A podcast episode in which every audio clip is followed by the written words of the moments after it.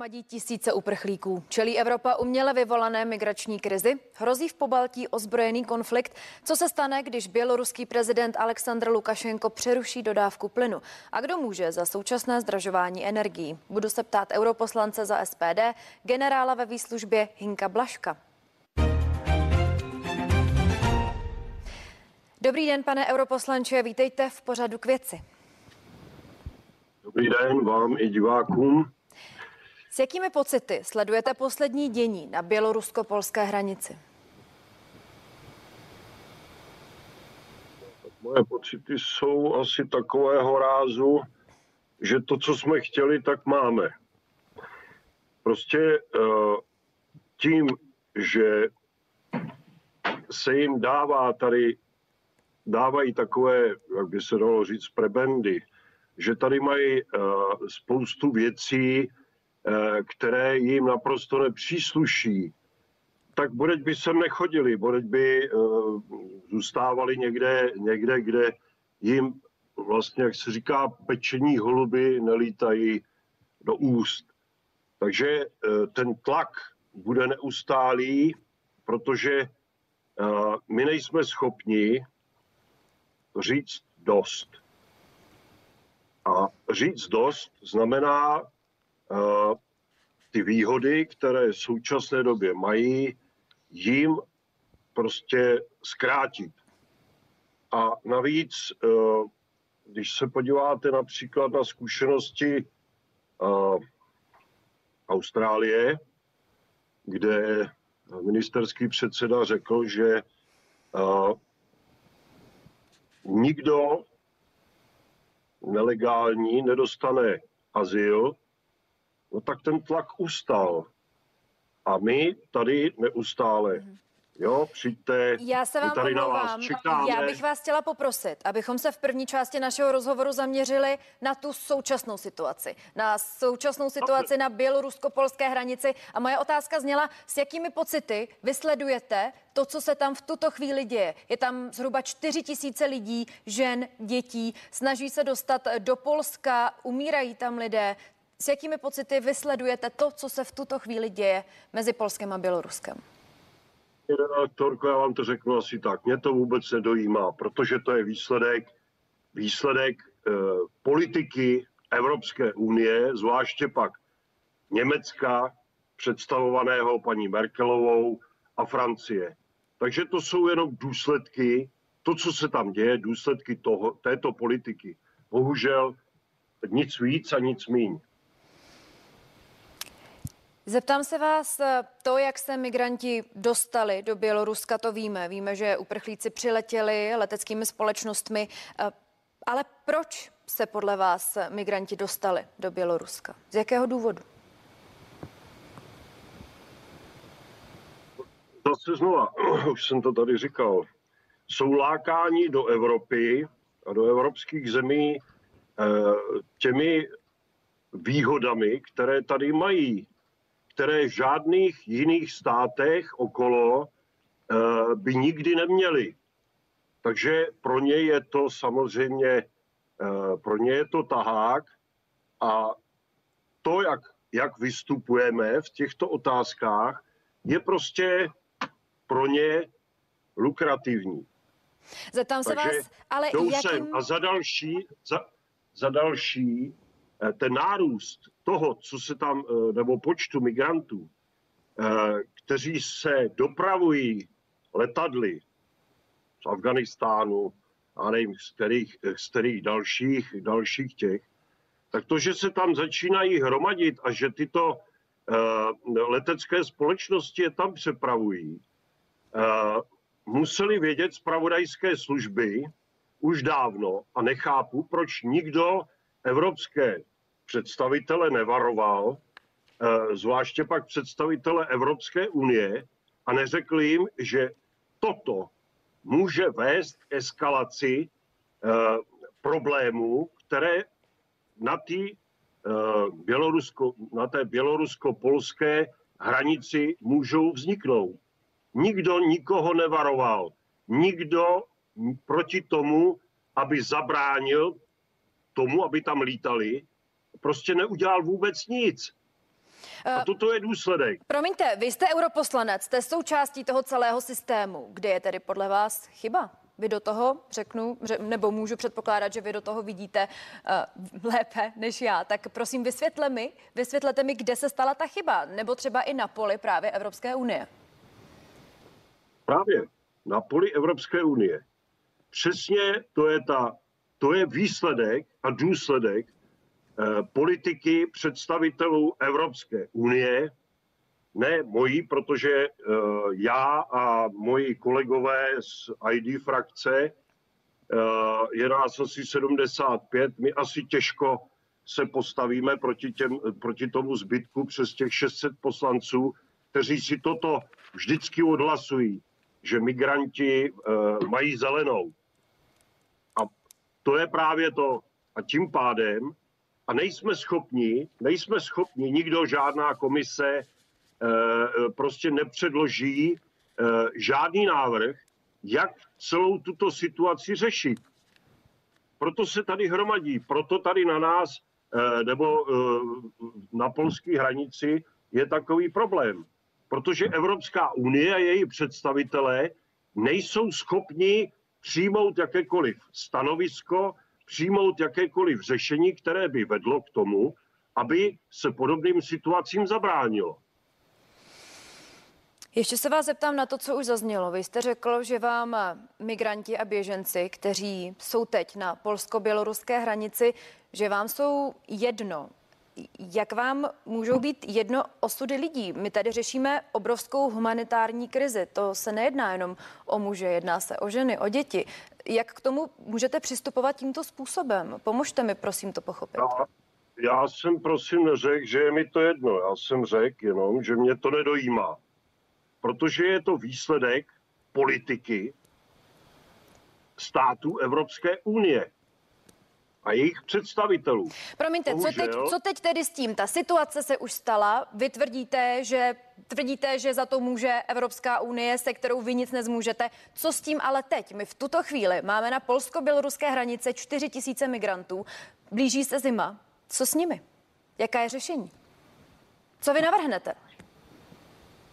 A podívejte se, ať tam dojdou nějaké orgány, možná je to, Jaké možná orgány? Je to naivní, Jaké orgány? Evropské unie, které se zabývají azylem a ať prověří na místě všechny ty migranty, kteří tam jsou, zda jsou pro následování ve své zemi a tudíž jsou azylu schopní a na ty ostatní a ti ostatní naložit do letadel a odvíst je zpátky.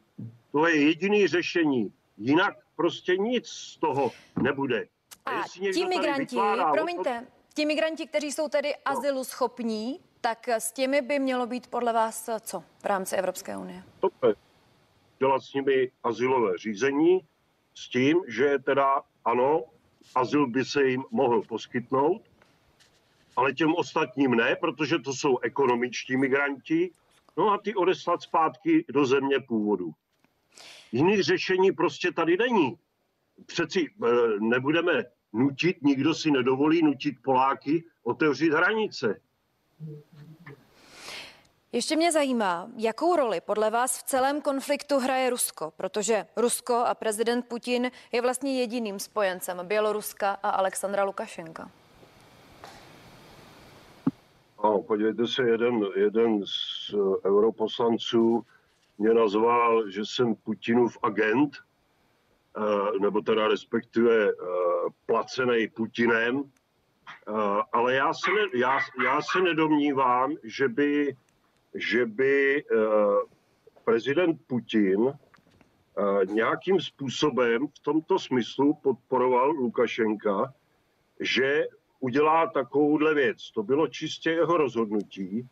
A já to chápu tak, že je to odveta Lukašenka eh, Evropské unii za to, že na něj uvalila sankce, které kromě jiného já považuji za naprosto nesmyslné, a že takovýmhle způsobem ho, ho Evropská unie, její představitele deklasují. On tam byl zvolen, Uh, on je v Bělorusku a v Bělorusku si ať si tam dělají, co chtějí. Je to jejich země a my nemáme právo se jim do toho vměšovat. Chtěli ho zlikvidovat, nepovedlo se, že jo, no tak na něj uvalili, uvalili sankce. Ale on, on prostě, můžeme říct, že uh, prostě k tomu přihlíží, ale to víte, je to těžké soudit někoho. A Rusko, podle mého názoru, zcela nepochybně a jistě není tak krátkozraké, aby v tomto smyslu postupovalo tak, jak je mu podsouváno. Mm-hmm. Když tedy naznačujete, že to, co se stalo v Bělorusku, není naše starost, že si tam tedy mají dělat, eh, co chtějí. Znamená to, že by tedy Evropská unie měla začít s Běloruskem nějakou diskuzi? Já jsem to vyjádřil 360 stupních eh, vaší kolegyně paní Pavliny Wolfové, že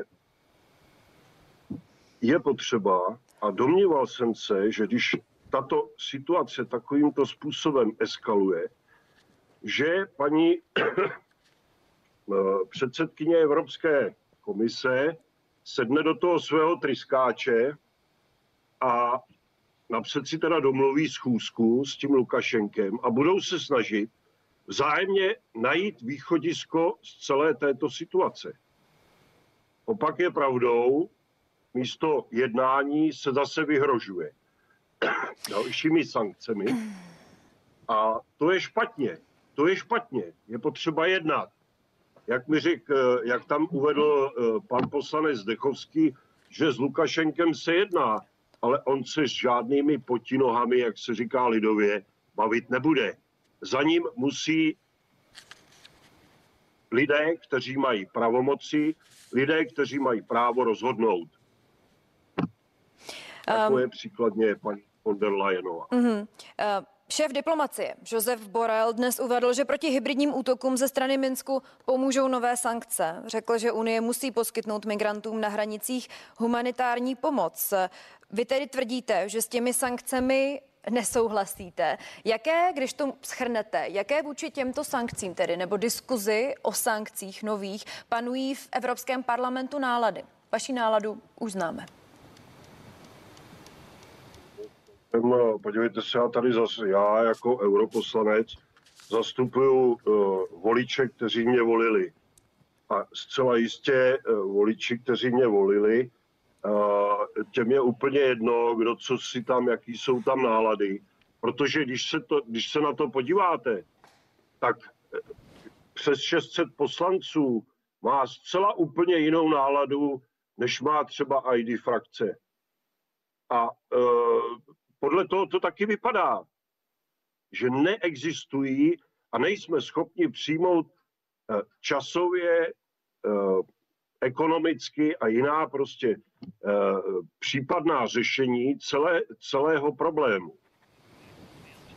Ještě se vás zeptám k, těm, k tomu dnešnímu dění v Evropském parlamentu. Měl by Brusel rozhodnout o sankcích právě na ty aerolinky, které konflikt živí. Jaký je na to váš názor?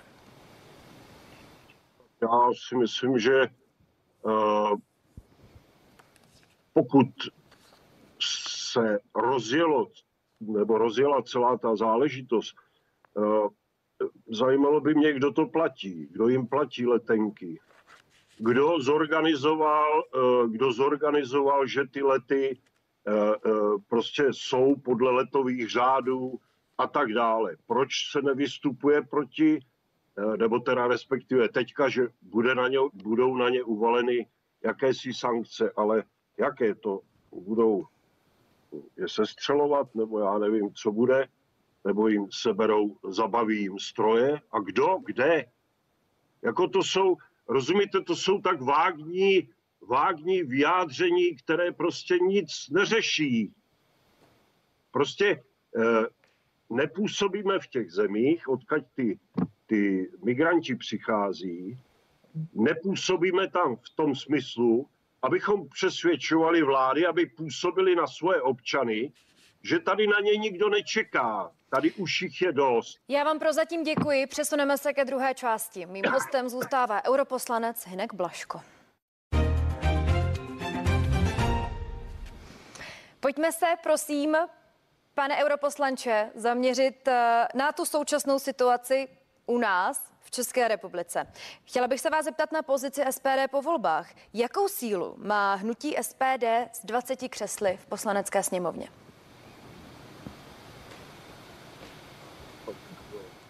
Mělo by mít větší sílu než některé, některé eh, prvky, které jsou eh, z té koalice stan anebo spolu, protože ty procenta hovoří zcela jasně ve prospěch SPD. Eh, bohužel se tady stalo to, to, co se stalo v Evropském parlamentu při nástupu, no, když jsme byli, složili jsme slib a nastoupil nový, byl zvolen nový předseda Evropského parlamentu a ten první, co udělal, tak ve svém pro, jaksi inauguračním projevu sdělil všem poslaneckým frakcím, že je potřeba kopat sanitární příkopy mezi ID frakcí a zbytkem parlamentu. Takže uh, Promiňte, já bych se ráda vrátila. Se já tady. bych se ráda vrátila k té současné situaci. Zmiňoval jste, že SPD by podle vás mělo mít větší sílu. Můžete tedy očekávat nebo očekáváte, že bude ještě bojovat o místo v čele sněmovny?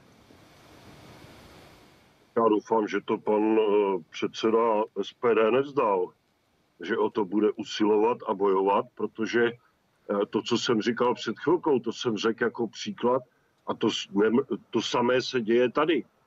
To prostě takovýmhle způsobem, jestli někdo si představuje demokracii, tak to já teda mezi takovéto lidi nepatřím. Zeptám se vás ještě na nové pozice, které by mohly vzniknout ve vládě. Mluví se o ministrovi pro evropské záležitosti. Je podle vás tato pozice potřeba?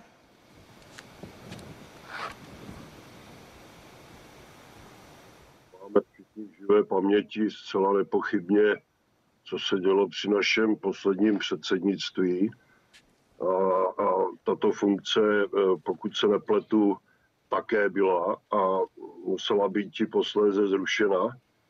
Eh, je to naprosto, eh, je to naprosto zbytečné a další, další a znamená to další nárůst, nárůst úřednictva a byrokracie s tím spojené.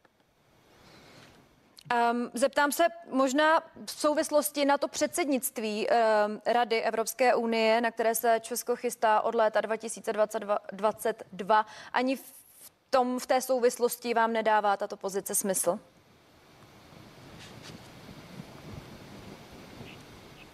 Zatím, zatím není.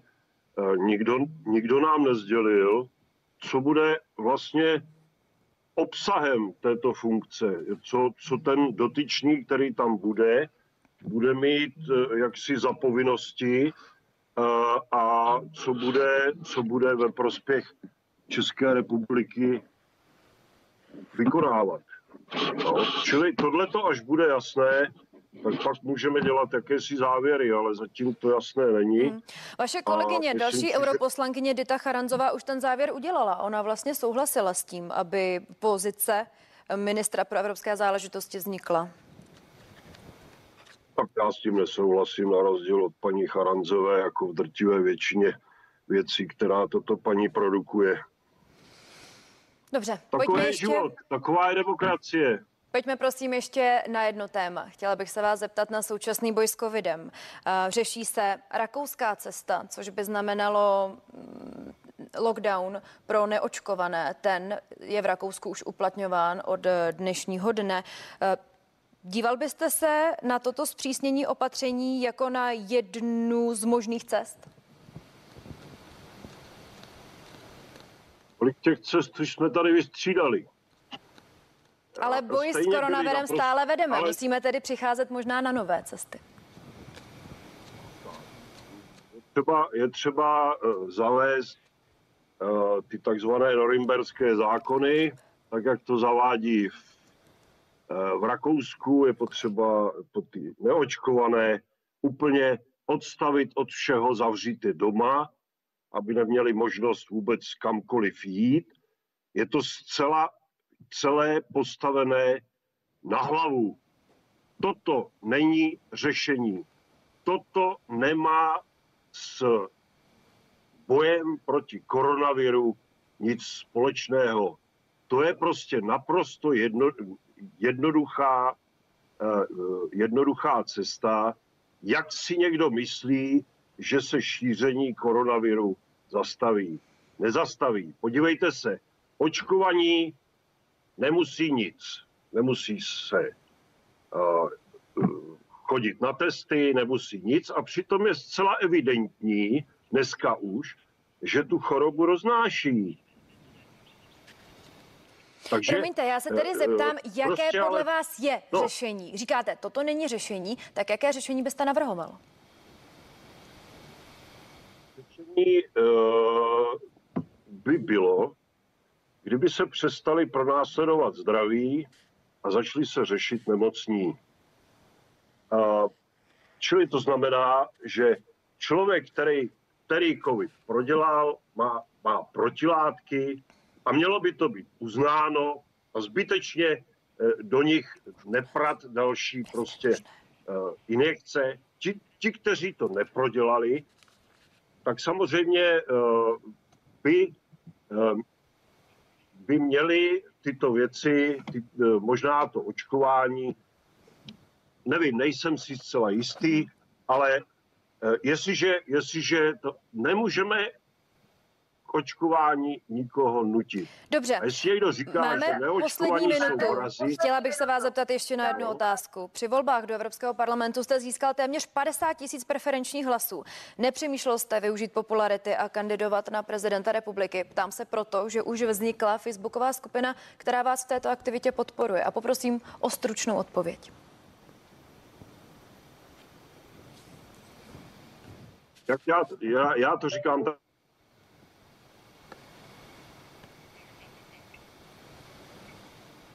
Tak a na závěr našeho rozhovoru jsme s europoslancem Hinkem Blaškem ztratili spojení, nicméně děkujeme za zajímavé odpovědi. Více otázek ani odpovědí už v pořadu k věci neuslyšíte. Těším se s vámi u dalšího vysílání CNN Prima News na viděnou. Připravujeme pro vás aktuální spravodajskou relaci.